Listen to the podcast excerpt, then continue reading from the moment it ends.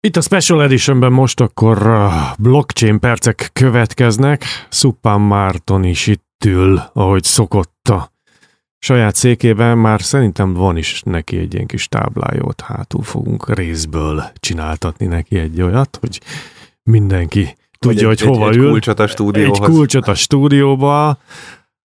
És akkor a múlt héttel azzal indítottunk, hogy egy pici intróként elmeséltük, mi fog történni, de rögtön a másodikban már azért eh, annyiban haladnunk kell, hogy a blokkláncokról per definíció egy picit beszélgessünk. Igen, ez egy uh, hogyan működik a blokklánc című műsor, ami már, már spoilerezi azt, hogy egy picit szárazabb a téma, pláne így, hogy, Nem uh, hogy, hogy, a, hogy a per definíciót még be is dobtad, uh, de azért próbáljuk ezt színesíteni. Azért gondoljuk ezt egyébként nagyon fontosnak, mert uh, körbevesz minket gyakorlatilag a, a, mind a blokklánc ö, technológia egyre inkább, ö, a, a, a kriptodevizák azok meg gyakorlatilag folynak ö, minden, minden honnan. Erre ugye ilyeneket látunk, hogy uh, én nem tudom én, Elon Musknak a Tesláit lehet venni uh, uh, bitcoinért, aztán egy kis ideig nem lehet venni, aztán megint lehet venni. Az, hogy az, hogy ezt az egészet megértsük, és mögé lássunk annak, hogy uh, halljuk a hírekben, vagy olvassuk, hogy most 30 ezer dollár, most 50 ezer dollár, most, most csak 25, most 70, és itt lufikról, meg stb. beszélünk, én azt gondolom, hogy nagyon fontos uh, megérteni, hogy uh, honnan jött ez az egész technológia, erről, erről beszéltünk a múlt heti adásban, és hogy, és hogy hogyan működik, és valóban, valójában mi ez az egész, és, és, és miben más mondjuk egy blokkláncra épült tranzakció, vagy épülő tranzakció egy egyszerű forint átutaláshoz képest, miben több ez, miben jobb ez, és aztán a, a, az adás végén remélem, hogy mindenki el tudja majd dönteni, itt nem fogunk, nem leszünk részrehajlók, hogy az egész csak egy hype, vagy valóban egy, egy technológiai újítás és a, és a modern technológiának a vívmánya.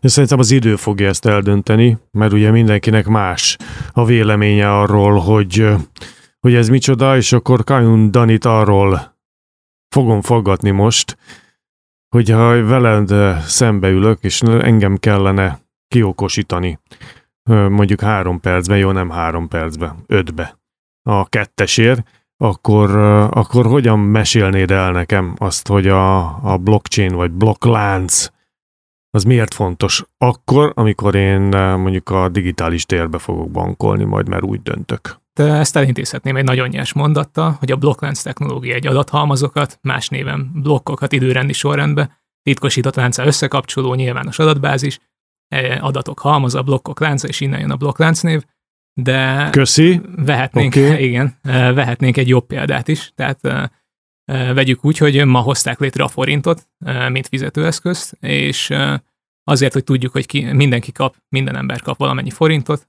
és azért, hogy vezessük, hogy mikor cserél gazdát, egy-egy forint, mikor történik egy tranzakció, kinél mennyi van, hogy ezt kövessük, veszünk egy nagyon nagy füzetet. A amit nap-nap hívnak. Hát, amit napnak is hívnak, igen. Tehát a blokklánc lenne lényegében ez a füzet, és a füzetnek minden egyes lapja az egy blokk lenne, e, egy adathalmaz, ami tartalmaz ebben az esetben mondjuk tranzakciós adatokat. Tegyük Bocsánat, fel. hogy megakasztalak, Igen. a tranzakciós adat az azt jelenti, hogy valaki fizet valakinek valamennyit. Hát persze, hogyha én most be, reggel bemegyek a boltba, veszek egy üveg vizet, akkor ez egy tranzakció. És hogyha ezt fel szeretném vinni a blokkláncra, akkor, vagy ebbe a füzetbe, akkor lényegében én a forintomat odaadtam a boltosnak, ő pedig odaadta nekem a pohár vizet, Szóval felkerül a füzetbe, hogy az én forintom a pohár vízért, vagy az üveg vízért átkerült a boltoshoz. Ez már az ő tulajdona. Ezeket lapról lapra meg fogjuk csinálni, tegyük, úgy is felfoghatjuk, hogy minden lap egy nap tranzakcióit képviseli. És akkor ezáltal létrejön egy olyan rendszer, amiben visszakövethető a legelső napig, ami tegyük fel a mai nap, amikor elindult a forint, vissza tudjuk vezetni a kezdetekig, hogy melyik forint eh, kié volt, viszont, eh, mint az előző adásban megbeszéltük, ez titkosítva van.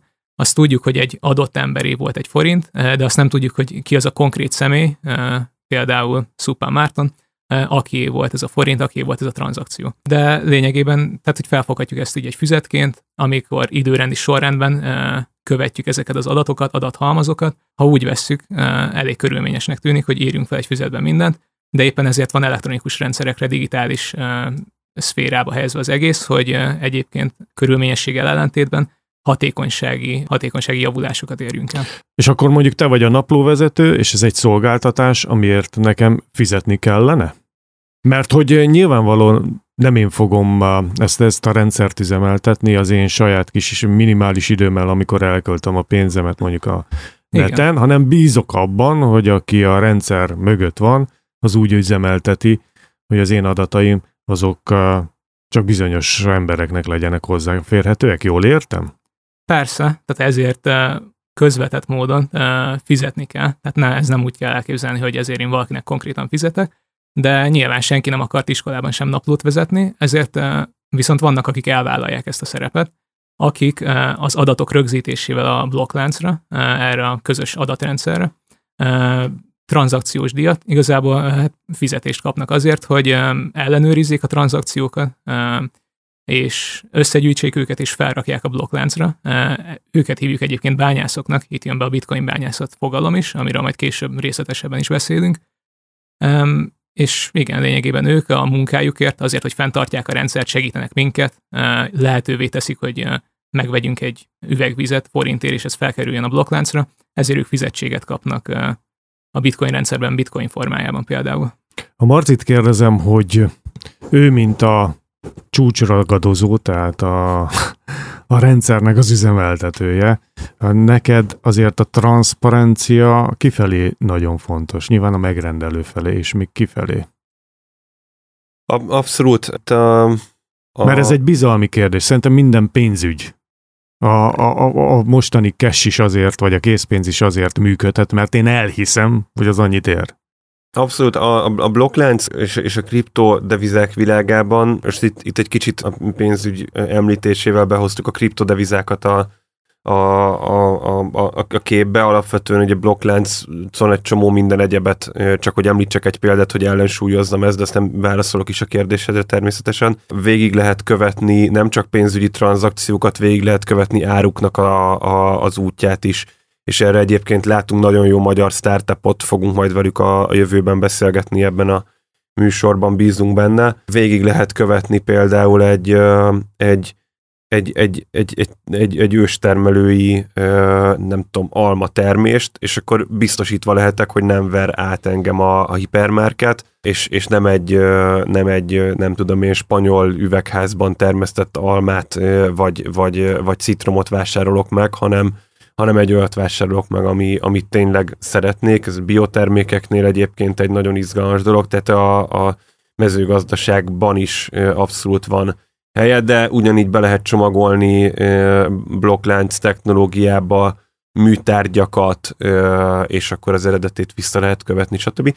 A pénzügyi tranzakciókhoz visszaelvezzünk, abszolút így van, a transzparencia nagyon fontos, és egyébként a, a, a, a blokkláncra épült kripto devizapiac, vagy, vagy, vagy token piac ezt is meg tudja reformálni olyan módon, hogy, hogy amíg egy klasszikus pénzintézetnél egy, egy saját maguk által vezetett, centralizált, tehát központosított elszámolási rendszer folyik. Magyarul, hogyha én föltöröm a banknak a szervereit, vagy én vagyok a munkavállaló, és valaki, ne adj Isten, nagyon sokat fizet, vagy megszorongat, vagy megzsarol a családommal, vagy egyszerűen csak megőrülök, és föltöltem a Facebookra, akkor minden nyilvános lesz. Nyilván egy picit azért ennél bonyolultabb a helyzet, meg biztonságosabb, Szemben a, a, a blokklánc technológiánál gyakorlatilag kettő nagyon komoly biztonsági faktort építettek bele a, a rendszer kitalálói, vagy épült bele így a, ennek, a, ennek a technológiának az evolúciója folyamán. Az egyik az a decentralizáltság, és itt a bányászokban rejlik a, a megoldás, másik pedig az anonimitás. Az anonimitást azt gondolom nem kell magyarázni, utálja minden pénzügyi rendszer, ezért tiltja Kína. Ezt a politikai próbálja. rendszerek is pont ugyanúgy utálják, mint hát a pénzügyi ezt, rendszerek. E, ezt így van, és mivel a pénzügyi rendszereket a politikai rendszerek ö, alá tartozó ö, államigazgatási szervek szabályozzák, ezért hát szabályozzák is. A decentralizáltság a, a, a, az, ami talán ilyen szempontból mind a kettő nagyon izgalmas egyébként az anonimitás is, meg a decentralizáltság is, de ez, ez inkább a technológiához kapcsolódik. A bányászok nem tudják, hogy hogy, hogy éppen melyik forint naplót, hogy a Dani példájához visszaevezzek, vezetik, sőt tovább megyek, a bányász azt sem tudja, nem akarom lelőni majd a későbbi bányászatról szóló adásnak a témáját, de a bányász tulajdonképpen azt sem tudja, hogy sikeresen naplózott-e valamit, vagy nem sikeresen naplózott valamit, ők mindig próbálgatják visszafejteni az adott kódokat, és amikor sikerül, akkor kapnak jutalmul egyébként kriptóban kifizetést, de gyakorlatilag nem férnek hozzá ilyen adatokhoz, és a decentralizáltságnak és, a, és, a, és ennek az egész bányász, kriptobányász struktúrának a lényege az az, hogy nem egy központi szerveren van tárolva a, ez a képzeletbeli napló, hanem nem tudjuk, hogy hol van tárolva, ténylegesen nem tudjuk, hogy hol van tárolva, ténylegesen szerte a világon. Nem tudjuk. Tehát én lehet, hogy... Te se tudod? Fogalmunk sincs. Tehát lehet, hogy amikor, amikor azt a példában szereplő pohár vizet én kifizettem mondjuk neked, akkor lehet, hogy egy alaszkai kriptobányász volt az, aki azt fölírta a naplóba, de utána az a napló nem marad nála. És lehet, hogyha azt a, azt a, azt a kriptót, amit, amit te kaptál a pohár vízért, te elköltöd, nem tudom, az amerikai nyaralásod során két hónap múlva egy hoddogra a hoddogárusnál, a Central Park szélén, akkor azt meg egy kínai kriptobányász fogja ö, naplózni, és ő fogja tovább építeni azt a, azt a blokkláncot. Tehát a decentralizáltság az, az ténylegesen jelen van, és ez az anonimitással párosulva egy iszonyatos transzparenciát ad egyik tekintetben, a másik tekintetben meg a transzparencia teljes hiányát adja. Tehát, hogyha én le akarom ezt nyomozni, akkor nem tudom, nem transzparens, Hogyha viszont felhasználóként nézem a transzparenciát, és attól félek, hogy valaki ezt lenyomozza, akkor viszont teljes biztonságban lehetek. Kérdések végtelen számát generálta az én fejemben, pedig én egy tudatlan állampolgár vagyok ebben az esetben. Ez a mai műsor is, úgyhogy a blockchain percekkel jövő héten folytatódunk. Daninak és Marcinak köszönöm szépen, hogy itt voltak mert eh, az izgalom maga járja át az én testemet. Úgyhogy nagyon szép napot nektek, innen folytatjuk.